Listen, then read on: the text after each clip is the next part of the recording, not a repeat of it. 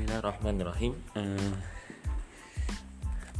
pada kesempatan kali ini kita akan sama-sama belajar ataupun eh, mengkaji tentang keutamaan orang itu belajar Al-Quran dan mengajarkan Al-Quran. Dalam kitab yang saya pegang ini sekarang, kitab At-Tabyan fi Adabi Hamalatil Quran, karangan Imam Abi Zakaria Yahya bin Syarafiddin An-Nawawi Syafi'i. Kitab ini masyhur kita kenal sebagai kitab dasar-dasar bagi orang yang ingin belajar Al-Quran dan ingin uh, mengetahui keutamaan-keutamaan dalam mengkaji Al-Quran. Di dalam kitab ini ada satu hadis yang diriwayatkan oleh Imam uh, Imam Bukhari dari sahabat Utsman bin Affan radhiyallahu anhu telah berkata bahwasanya Rasulullah sallallahu alaihi wasallam pernah bersabda khairukum man ta'allama al-Qur'an wa 'allamah sebaik-baik kalian yang belajar Al-Qur'an dan mengajarkannya ini hadis Nabi menerangkan tentang keutamaan orang belajar Al-Quran dan mengajarkannya. Uh, kita ini kan uh, hidup di zaman yang mungkin dari kawan-kawan ataupun teman-teman yang mungkin sudah sudah umur yang mungkin ya udah tua ataupun ya, udah lewat 20 ataupun apa kan uh, kita kan biasa ngumpul juga kita biasa ngumpul biasa juga uh, ngobrol bareng dengan apa. Kadang kita tuh kan sharing sharing dan bisa berbagi juga kan kadang kalau kita sering ngumpul ataupun ke waktu itu kita ngumpul waktu malam ataupun apa ya kita sambil sambil baca Al-Quran. Kita ngambil nih kita ngambil faedah ataupun keutamaan dari hadis ini. Orang belajar Al-Quran itu sebaik-baik uh, orang yang baca Al-Quran dan mengajarkannya. Maka jangan kalau sudah udah berumur ya, ya udah berumur tapi pun masih tidak mau ataupun masih belum sempat untuk belajar Al-Quran itu rugi sekali bukan tidak ada waktu tapi memang kita harus sempatkan waktunya untuk belajar Al-Quran. Kenapa hadis ini menerangkan tentang sebaik-baiknya orang itu membaca Al-Quran? Jadi apakah tidak ada yang lebih baik lagi?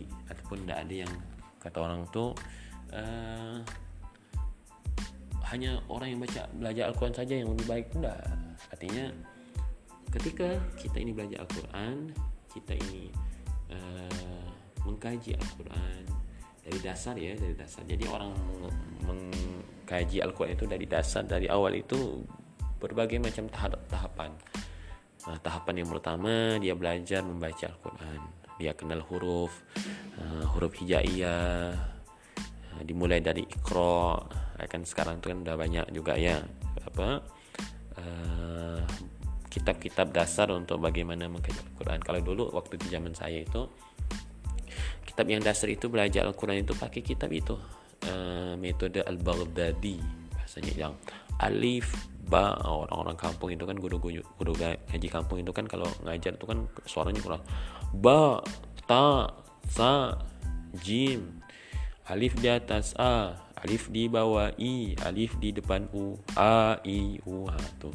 Tuh itu kitab yang sangat masyhur ya kalau di kampung-kampung itu pakai kitab itu untuk belajar kan itu seumuran saya itu ya waktu itu umur umur saya itu waktu enam tahun ataupun empat tahun lima tahun itu sudah belajar Al-Quran. Makanya jadi tahapan orang belajar Al-Quran itu memang efektifnya ya waktu kecil itu karena waktu-waktu yang emas untuk belajar menghafal mengkaji itu. Uh, tapi bukan berarti waktu tua ini tidak bisa ngaji ndak. Ya uh, Al-Quran belajar Al-Quran itu tidak memandang usia ya. Tidak memandang usia tidak memandang uh, waktu kapan pun kalau dia sudah berusaha betul-betul insya Allah bisa. Kalau ada kesungguhan. Karena Al-Quran ini bahasanya keramat ya. Keramat. Orang yang menjaga Al-Quran itu dia akan dijaga Allah Subhanahu Wa Taala. Jadi penting kalau kita punya anak ataupun kita punya keluarga dari kecil itu udah kita tanamkan untuk belajar Al-Quran minimal itu membacanya. Jadi tahapan pertama itu baca Al-Quran dulu. Kenalkan huruf hijaiyah udah kenal huruf hijaiyah dia bisa baca. Kenalkan harokatnya a i u. Nah, baru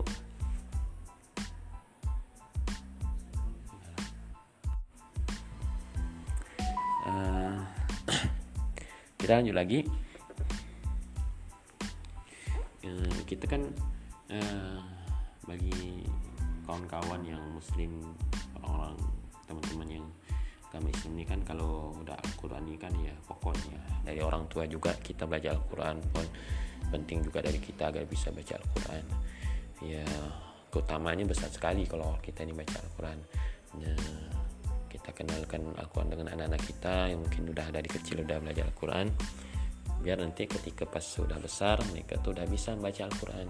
Jadi besar itu udah bisa baca Al-Quran tinggal memahami artinya memahami artinya. Jadi memahami artinya pun bukan hanya sebatas dia itu baca baca artinya saja enggak tapi harus ada uh, guru ataupun orang yang bisa mengajarkannya tentang ilmu-ilmu Al-Quran. Jadi sangat luas terjemahan Al-Quran itu sangat luas. Jadi orang yang baca Al-Quran itu tidak bisa hanya sebatas dia baca terjemahan langsung bisa mengamalkan artinya tidak ada ada arti-arti yang bisa kita amalkan secara logika kita dan bisa kita amalkan secara perilaku kita. Tapi ada juga arti itu perlu dikaji lagi karena sangat mendalam. Karena Al-Quran itu kan universal kan sifatnya tidak bisa hanya sebatas akal kita sebatas saja. Dia itu bisa dipakai di zaman apa pun dan bisa diamalkan di di kapan pun di di mana pun itunya Al-Quran. Nah, maka beruntung orang yang belajar Al-Quran itu.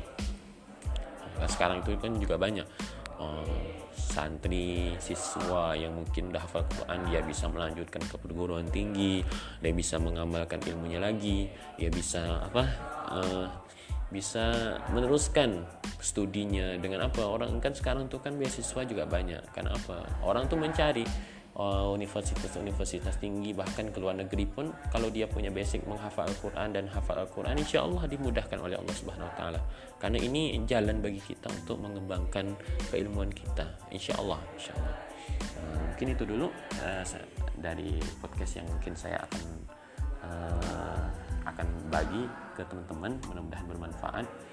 Sama saya saling sharing ya. Mari simak terus podcast kami Aris dan Halima uh, the story of us mudah-mudahan bermanfaat. Amin